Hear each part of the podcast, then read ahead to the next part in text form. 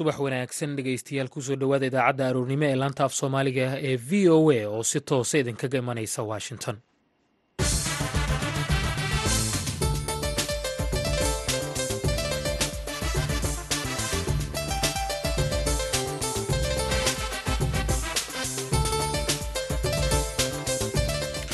Waa aroor axada bisha februarina waa laba iyo toban sannadka labada kun iyo saddex iyo labaatanka waxaad naga dhegaysanaysaan mawjadaha gaagaaban iyo bogga v o a somaly com. Saacadda afrikada bari waa lixda iyo barkii aroornimo idaacadda saakana waxaa idinla socodsiinaya. Anigoo ah jacfar kuukay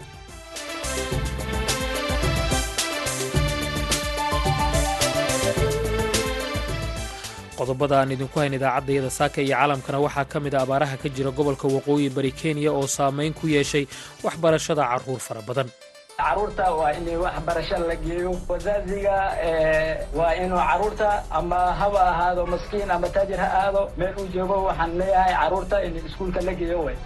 Caruurta waxbarashada ay ka qayb qaataan. Xoolahan ay daba ordayaan loodan iyo adigan iyo liskuma hadlayn karo. Xagaa hadduu imaado abaartan hadday imaato way iska dhamaanaysaa waxaa kaloo aad maqli doontaan duqii magaalada toronto john tory oo fadeexad darteed isku casilay dhallinyaro isxilqaamay oo olole nadaafadeed ka samaynaya magaalada beledweyne iyo weliba kanada oo laga xusay maalinta dadka madowga ah iyadoo sannadkan laga hadlay kaalinta ay dadka laga tirada badan yahay ee madowga ku leeyihiin siyaasadda. Qodobadaas iyo kuwo kale ayaad maqli doontaan. Marka horese waxaad ku soo dhowaataan warkii dunida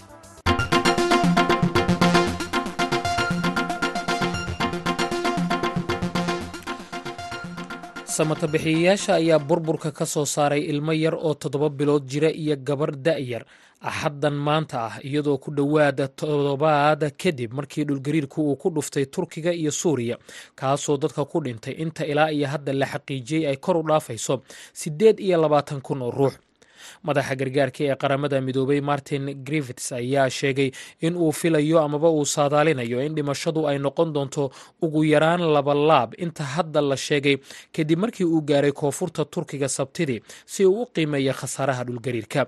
Tobannaan kun oo shaqaalaha samata bixinta ah ayaa ku wareegaya burburka. Inkasta oo cimiladu ay aad u qabowdahay taasoo sare u sii qaadaysa darxumada malaayiinta qof ee hadda gargaarka u baahan ra'iisul wasaaraha waddanka canada justin trudeau ayaa sabtidii sheegay in diyaarad dagaal oo uu maraykanku leeyahay ay soo riday walaxa duulaya oo aanan la aqoonsan waxa ay yihiin kaasoo soo galay hawada dalkaasi. Ra'iisul wasaaraha ayaa qoraal uu soo dhigay bartiisa twitterka ku yidhi waxaan bixiyey amarka lagu soo riday shaygan aan la aqoonsan ee ku soo xadgudbay hawada kanada waxa uu intaasi ku daray in diyaaradaha dagaalka ee kanada iyo maraykanku ay qaadeen tallaabo degdeg ah kadibna diyaaradda maraykanka ee f laba iyo labaatan ay ku guulaysatay in ay soo rido xilli dambe oo sabtidii ahna aqalka cad ee maraykanka waxa uu sheegay in ra'iisul wasaaraha canada justin trudeau iyo madaxweynaha maraykanka joe biden ay bixiyeen amarka lagu soo riday walxahaasi waaxda gaashaandhigga ah maraykanka ee bentagonka ayaa sheegtay in shaygaasi duulaya jimcihii lagu arkay hawada alaska. Afartii febraayo diyaaradaha dagaalka maraykanka ee f laba iyo labaatan ayaa xeebaha south carolina ku soo riday.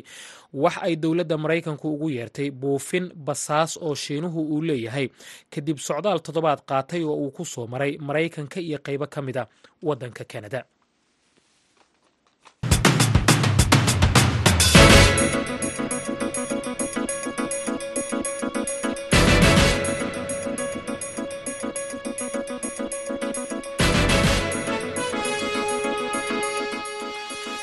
aroor suuban ayaanu mar kale hawada idinka leenahay. Dhegaystayaal meel walba oo aad naga dhegaysanaysaanba halka aad nagala socotaana waa laanta af soomaaliga idaacadda v o a.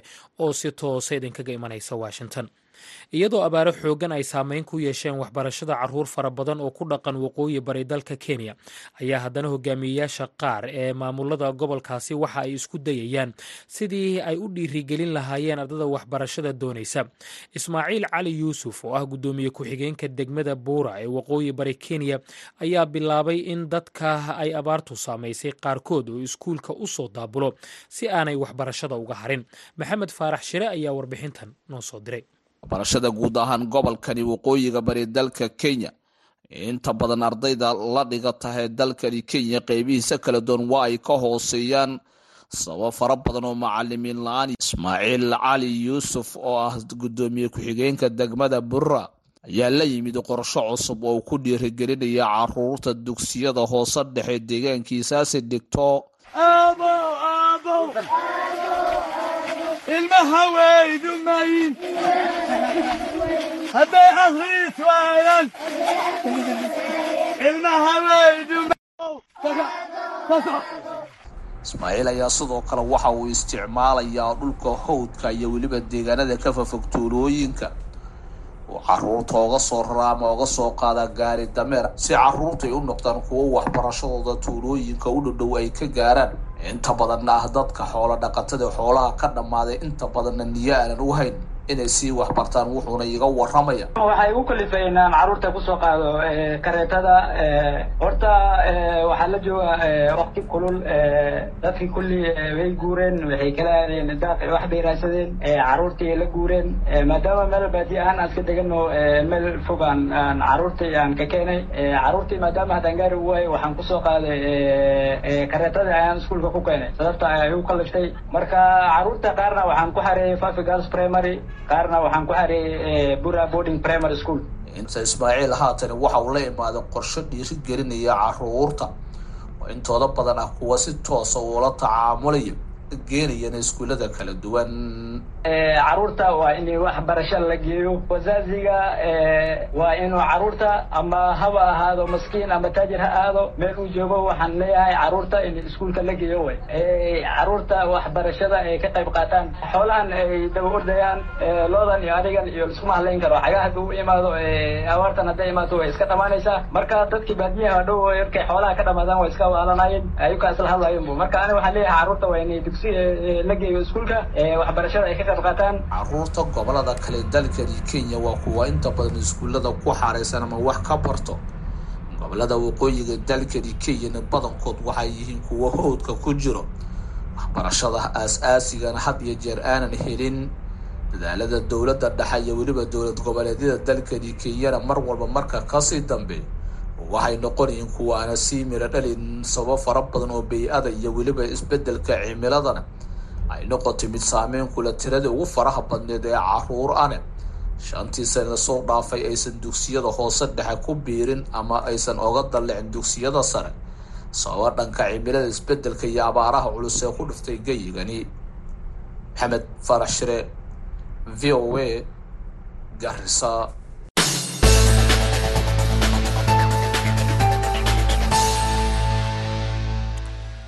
aad ayuu u mahadsan yahay maxamed faarax shire markana canada. Duqa magaalada toronto ee dalkaasi canada john tory oo bishii oktoobar ee sannadkii hore markii saddexaad la doortay ayaa xilka iska casilay kadib markii ay soo baxday inuu xiriir la sameeyey haweeney ka mida shaqaalihiisa. Haddaba wariyaheena magaalada toronto ee wadankaasi canada xuseen nur xaaji ayaa haatan khadka telefoonka si toosa ugu jira. Xuseen haddii aad imaqlaysa bal marka hore iscasilaadu sidee bay u dhacday?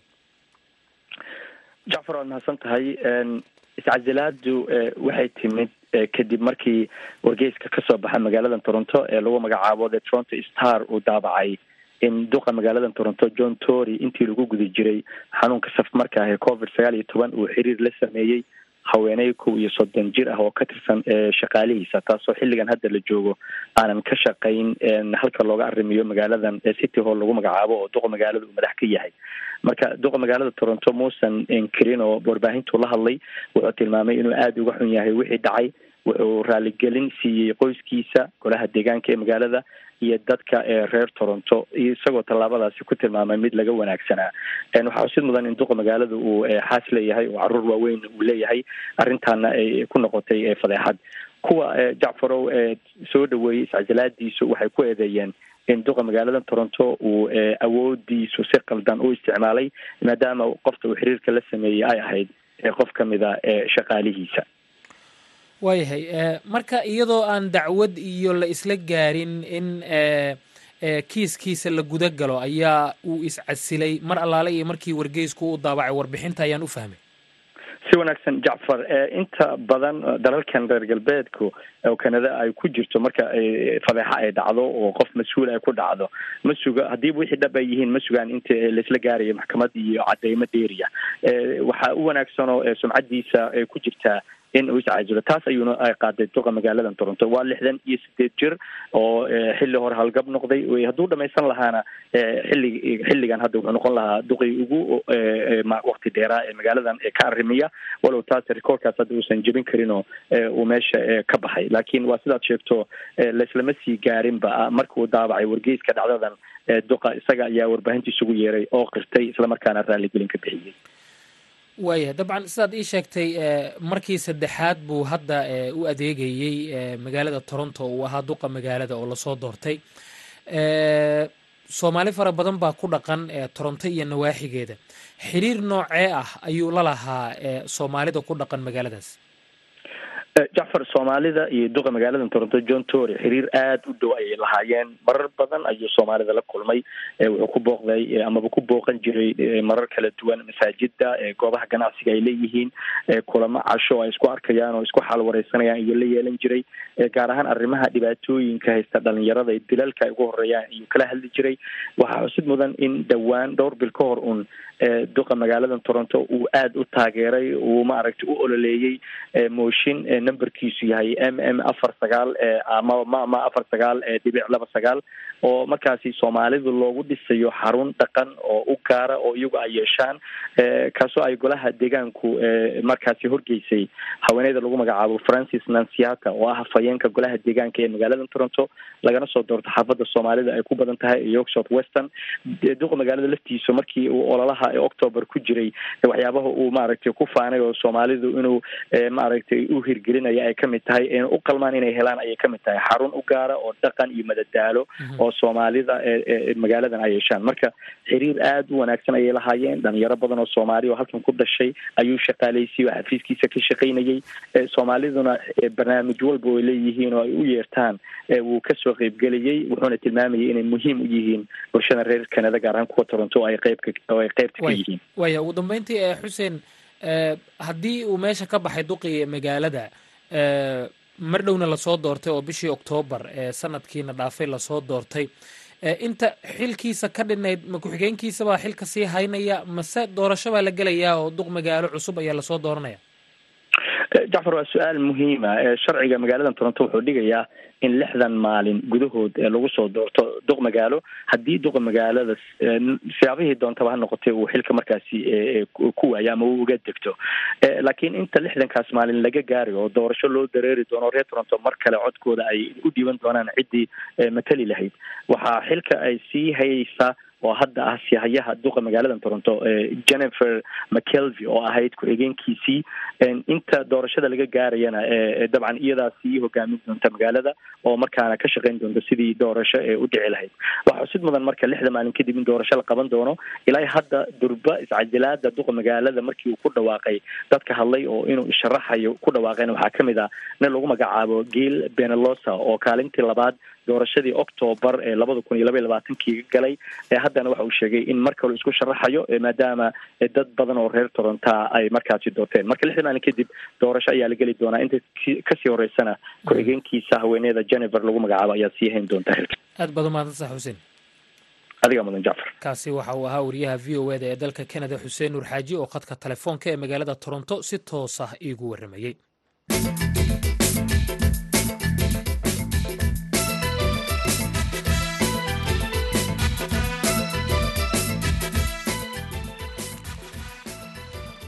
haatanna dhankaas iyo magaalada beledweyne ee bartamaha waddanka soomaaliya. Dhallinyaro is-abaabulay ayaa magaalada beledweyne ka hirgeliyey sharikad nadaafadda iyo bilicda magaalada ka shaqaysa. Dhallinyarada ayaa waxa ay ka damqadeen nadaafadda deegaanka oo ay sheegeen in ay weysay amaba ay weysay cid isku xilqaanta. Arrintan ayaa dad badan oo magaalada ku dhaqan ay soo dhoweeyeen sida uu ku soo waramayo wariyaheenna xuseen xasan dhaqane shirkadda nadaafadda qurux deegaan oo ah shirkad ka shaqaysa nadaafadda ayaa waxaa magaalada beledweyne ka hirgeliyey. Dhalinyaro ku dhiiraday in ay soo celiyaan bilicda magaalada iyagoo sameeyey gaadiid iyo dhalinyaro guryaha ugu taga qoysaska si ay uga soo qaadaan. Qashinka una geeyaan meelo godod ah oo ku yaalla duleedka magaalada si qashinka loogu gubo maamulaha shirkadda nadaafadda qurux deegaan ee magaalada beledweyne maxamed cabdi cismaan faarax ayaa waxa uu ka waramayaa waxa ku dhaliyey in uu hirgeliyo shirkaddan. Walaal hawsha nadaafadda oo aan isku xilqaamay horta waa fikrad aniga xaggayga ka timid. Waxaan arkay magaaladii oo gudaafad iyo qashin iyo wax walba micnaha ay ka buuxaan. Waxaa dhacday in xaafad qashin laga soo qaado xaafad kaleo qof walaal muslim uu leeyahay lacag dhigo oo meeshii rabshado iyo wax ay ka dhacaan arrintiiyaan fiiriyey waxay ila noqotay marka arrintan arrin aan loo dulqaadan karin. Sidiiaan ugu dhaqaaqnay gaadiidaan soo diyaariyey qalabkii yuniformka ahaayo dhallinyarada shaqaalaha loo xirayaan soo diyaariyey qalabkii lagu shaqeynaya sida badiiladii gaarigacanadii fargeetadii wixiyaan soo diyaariyey. Alxamdulilah ilaahay mahaddiis allana wuu noo fududeeyey. Xaafadihii sidii aan ku dhexgalnay sidii qayb naga hortimidna waan aragnay qaybo oo na soo dhaweeyana waan aragnay alxamdulilah shaqadii sidii aan ku bilawnay walaal marka waxaan isku xilqaamiya waxaa ka mid ah in aan xaafadihii degnaay qashinku micnaha uu ka buuxsamo aniguna aan daawado intaas ay la xumatay cidna oo na garab taagan ama qarashaad na siisa hay'ad noqotayaa ka dowladda xaggeeda noqotayaa waxna garab istaago oo wax na siiyo ma jirto walaal maamulaha shirkadda nadaafadda qurux deegaan maxamed cabdi cismaan ayaa waxa uu sheegay in shirkadiisu ay ka shaqeeyaan ilaa laba iyo toban qof oo shaqada ku kaltama. Laakiin waxa uu sheegay inay haysato culays dhinaca dhaqaalaha maadaama aanu jirin cid ka taageerta dhaqaalaha wax lagu socodsiinayo.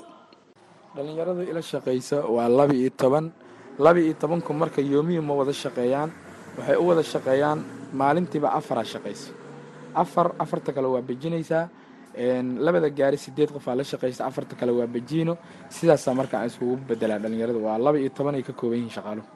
Haddeer tusaale ahaan haddii aan kaaga hadlo baahideyda waxaa ka mid ah ma dhammo hadda waxyaabaha aan ka qaado dadka aan u shaqaynayno. Ma dhamma shaqaalihii joornaatigoodii iyo mishaarkoodii. Ma dhamma ma ma gaaraysa shidaalkii. Gaarigii xitaa cilad baa geli karta wuu hallaabi karaa. Wixii oo dhan jeebkaygaan ka dabiraa cid maanta igu garab istaaganna ma lahan waxaan ka codsanayaa walaalaha soomaaliyeed inta muxsiniinta ah oo jecel in ay wax la baxaan in ay nagu garab istaagaan qayb ka shaqaynta nadaafadda ay nagu booriyaan ka wacyigelin ahaan iyo ka micnaha gacan ahaanba. Intaba waan u baahannahay in nagula garab istaago oo nagala caawiyo xagga gaadiidka xagga shaqaaluhu noola kordhiyo xagga agabyadii aan ku shaqay lahayn. Intaba waan u baahannahay in nagala caawiyo in alle inta hadda maanta ka maqan oo aan dadka loo shaqayna aan ka mid ahayn in ay ku soo biiraan. Sababtoo ah qashinka maanta tusaale ahaan haddii aad ku gubto gurigaada wuxuu bixinayaa qiic iyo urow bixinaya qiiqii iyo urkiina wuxuu ku baxayaa deriskaada. Deriskuna xaq weynuu kugu leeyahay. Ma wanaagsana maanta wax sintiyaal lagaaga qaadi karo oo waxyar oo micnaha gunno lagaaga qaadi karo in aad deriskaada ku dhibaataysan. Ma wanaagsano? Waxaan wacyigelinayaa ummadda maanta aan micnaha aan wax ka qaadin oo dhehaysa waan gubaynaa iyo saanaan yeelaynaa iyo dhallinyaro yaraan naga qaada dhehaysa wixii maanta adiga aad iska dheeraysay haddii lagu dhibaateeyo qof walaalka ah ogow dhibaatadaas inay adiga kuu taallo ka adduun ahaan iyo ka qiyaam ahaan. Waxaan idinku wacyigelinayaa nadaafadda aan wadno ka niyo ahaan iyo ka ficil ahaan inaad nagala qayb qaadataan. Intaasaan idinku waanaya insha allah.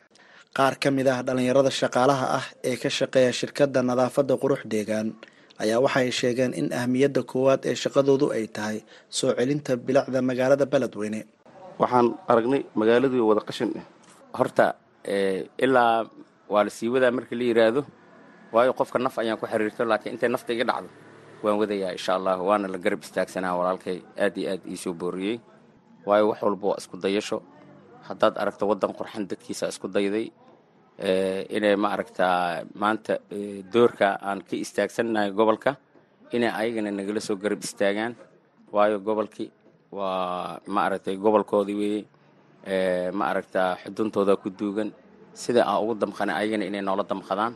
Intuu qashin kuu jiro cudur kuu jiro haladhahay markaan yaabni ayaa injineerkiina ardoon iyo qole kale soo garaysteen inay minaha ay shaqaas ay nagu dhiirgeliyaan anagana dhankeyna waa ka qaadanaa waxay awooddaana kalaankaana waa ka qaadanaa wax badanaa meesha la geliyo jurdi badanaa la geliyo mafahant baabuura loo keen wax walbaa loo keen anagana shaqaalahan ka midnahay subaxdii alisiya waxa qashinka iska aruurinaa baabuurka saarnaa shaqadaanaa sii qabsanaa. Qashinka aan qaadayna waxaan u isticmaalaynaa si dadka dawladda ka tirsan iyo dadka shacabka ay nooga daydaan ay iska ilaaliyaan wixii qoran iyo qashin iyo bakti oo ka imaanayo oo wixiiba cudur ka imaanayo inay iska fogeeyaan oo xataa hadday micnaha ay awoodi waayaan inay wax iska isku mamacbilaystaan xataa inay anigana soo wacaan si aan u caawino. Aan garab ugu siino birin ay wax u qabsadaan. Dhallinyarada waxaan ku dhiirigelinayaa inay ka shaqeeyaan dhanka nadaafadda guryahooda. Xuseen xasan dhaqane v o a beledweyne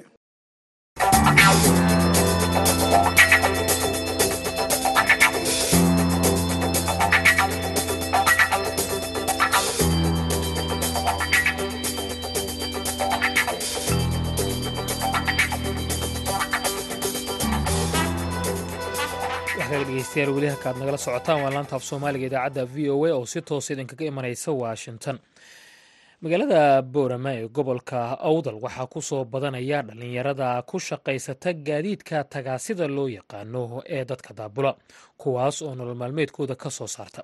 Wariyaha v o eda ee magaaladaasi haashim sheekh cumar good ayaa la kulmay qaar ka mid a dhallinyaradaasi warbixintan ayuuna nooga diyaariyey. Magacayga waxa weeyaan cabdinaasir maxamed ducaale ayaa la yidhaahdaa. Waxaanaan ahay driver taxi amba sida loo yaqaano dirawal taxi. Ayaan ahay. Cabdinaasiro maadaama aad tahay dirawal taxi oo ka shaqaysta magaalada boorama maxaa kaa soo gala maalintii taxiga? Haa wallaahi aad iyo aad waan ku shaqaysanaa masaariiftayada ayaan ku soo saarnaa iskuullada ayaan ardaydan qaadnaa hiirta hore oo inta mas'uuliyiintu ardaydaasa ayaa lagu soo xidhaa markaa ardaydan qaadnaa. Sidoo kalena safaro ayaan marmarka qaarkii inkastoo iminka dee ay crisis adduunyada ka dhacday oo shidaalkii qaaliyoobay beryihii hore waxaa nagu badnaan jiray safarka hargeysa wajaale gabiley. Hadda waa iska teelteel. Magaalada gudaheedaan ka shaqaynaa bowrama. Tagsiguna aad buu u fiican yahay. Inkastuu soo badanayo nina calafkiisunbuu qaadi doonaa. Qiimaha shidaalka ee kor u kacay ee aad carabka ku dhufatay muxuu saamayn idinku yeeshay? Wuxuu saamayn nagu yeeshay. De wixii aan helaynay ayaa dee inta badan uu qaadanayaa marmarka qaarkii. Oo dee waxaad is leedahay horta shidaalka anigu waxaan ku fiicana waa iska buuxiyaa. Wixii aan helana reerkaan u geeyaa. Hadday saasi noqon weydo dee waxay iskugu kaa soo hagaagaysa masaariiftii iyo shidaalkii. Marka dee in birtana wax loo dhigana way iskaga baahan tahay. Waxyaabahaasoo dhan makanikali waan ka qabannaa taayirada. Waxyaabahaasoo dhan baan u dhignaa de. Marka qiimaha shidaalka ee kor u kacay idinku qiimihii aad dadka ku qaadayseen wax dallacaada ma ku samayseen? May xaasha marna kumaanaan samayn. Waayo dee dadkiibaa iska danyaro crisisku markuu dhacay beriisku iibsan kari waayaan. De haddaad kordhiso mid baa raqiisinayaba marka intii caadigii uun baan ku wadnaa weli. Oo dee waxaa nagu qasbaya tagaasidii baa badatay ninba waxbuu ku qaadaya. Magaalada tagaasida ka shaqaysa maaha waxaa aada uga shaqaysanya doona bajaajta marka idinka macaamiladiinnii hoos ma u dhacday markii ay bateen gaadiidkan loo yaqaano bajaajtu markii hore waxaa ka shaqayn jiray maarkatuuyo rag tagaasiyo maarkatuuyoy wadan jireen. Marka qiimo aad u sarreeya ayay ku qaadi jireenoo berigaa riyaalkaa lacag badan ahaa oo lacagta jabuuti oo kale wuxua laba kunoo faran ayay u dhigmaysay boqolka doolaar boqolka riyaal baan u jeedaa. Laakiin markii ay sidaasi dhacday dadkii ay kari waayeen ayay bajaajyadan ayaaba nasri baa u soo baxayoo dadkii markaasay dee magaaladii sare u kacday dhismaheedii wixeedii qayb bay ka tahay horumarka dalka marka magaalada khaasatan weliba boorama. Laakiin tagaasidan dambe waxaan ku shaqaynaa dee brogaraamkan la yidhaha dhaweeye marka in yaroo waxbaa koob iyo toban kun shan iyo toban kun inta caadigae bajaajtoo kale. Markaa bajaajkii ingeydhaday qaadan jireen waaba la nacay haddo qof qof ku sii yar xidhan oo ehlumarqaan oo habeenkii jaadka isoo qaad yidhaahda mooyaane da imikababa jirtaba. Baabuurtiinna tagaasida wax cabasho ah oo aad ka muujinaysaan dhinaca jidadka isku socodka magaalada ma jirtaa oo caqabadoo idin haystaa? Haa way jiraan laakiin maayarkan dambe magaalada boorame intuu yimiday dhulal badan buu kabkabay wadadan suuqa dhexdiisana dhibaatay nagu haydo uu naga hagaajiyey. Inkastoon ka rajaynayno dee sanadkan cusub. Inuu wadooyin fara badan u sameeyo oon leeyahay dadkana waraaqabada ka daaya maayarka. Horaha u socdo oo magaalada ha dhiso. Marka waa taa weyaano ninkan waa nin actifa oo imika wax badan qaban doona insha allahu tacaala. Saan ka rajaynayno ma jiraan iskaashi idinka iyo dowladda hoose idinka dhexeeya oo iskaashata haddaad leedihiin? Aad wax ka qaban kartaan waddooyinka ama dariiqyada jajaba? Horta dee wixii alla wixii baabuur contribution markii loo baahdo waan bixinaa qaadhaan laakiin maxay ahayd de iminka dowladdii hoosaaba yaaba naga furatayba oo dardar gelinayso oo arrimihii u diyaaro dadkana waxaan leenaha war cashuurta bixiya si wax badan loo qabto. Marka halkaa wax caqabadii nagama taagno dhexdayada annaga. Waxaan arkayay adigoo mar ku hadlayey aada macaamiil dejinaysa af ingiriis. Xageed ku baratay luqadda ingiriiska. De markaygii hore ree jibuuti ahaa oo aabbaybaa askari halkaa ka ahaa oo hadda wasaaradda tacliintoo kale ka shaqeeya. Inkastuu iska xanuunsanayo iska allah caafiyaan lehay. Marka waxa weeyaan dad ajaanib wayna raacaan oo xitaa dhakhtarada de hargeyso oo kale aan geynaa. Marmar baaban turjumaan noqdaaba oo luuqadda ingiriiska waxaan ku bartay dee dalka jabuuti ee caasimadda jabuuti baan ku bartay. Faransiiska waan aqaana carabiga saasoo kadaalika. Marka aad baan ugu fiicana marka cabdinaasir waa nin ku shaqayn kara saddex luqadood oo kala duwan. Marka lagu daro soomaaligana afar luqadood. Yaqaano sooma. Afar luuqadood marka lagu daro luuqadayda hooye ee af soomaaliga waa ingiriiska carabiga iyo faransiiska. Inkastoon ingiriiska iyo soomaaliga aada ugu dheereeyo oo ingiriiska aan jeclaa. Kaasi wuxuu ahaa cabdinaasir maxamed ducaali oo ah wadayaasha tagaasida ka shaqeeya magaalada boorama. Haashim sheekh cumar good v o a boorama waa dhegeystayaal waxaanu ka cudur daaranaynaa inaanan idiin soo gudbin karin warbixintii waddanka kanada nooga timid ee ku aadanayd maalinta dadka madowga ah oo waddankaasi laga xusay. Idaacaddayada soo socota ayaad ku maqli doontaan haddii uu eebba edmo markana dhinacii heesaha aanu jalleecno codkii macaanaa ee xabiibo xasan tuuxow iyo heestii liglig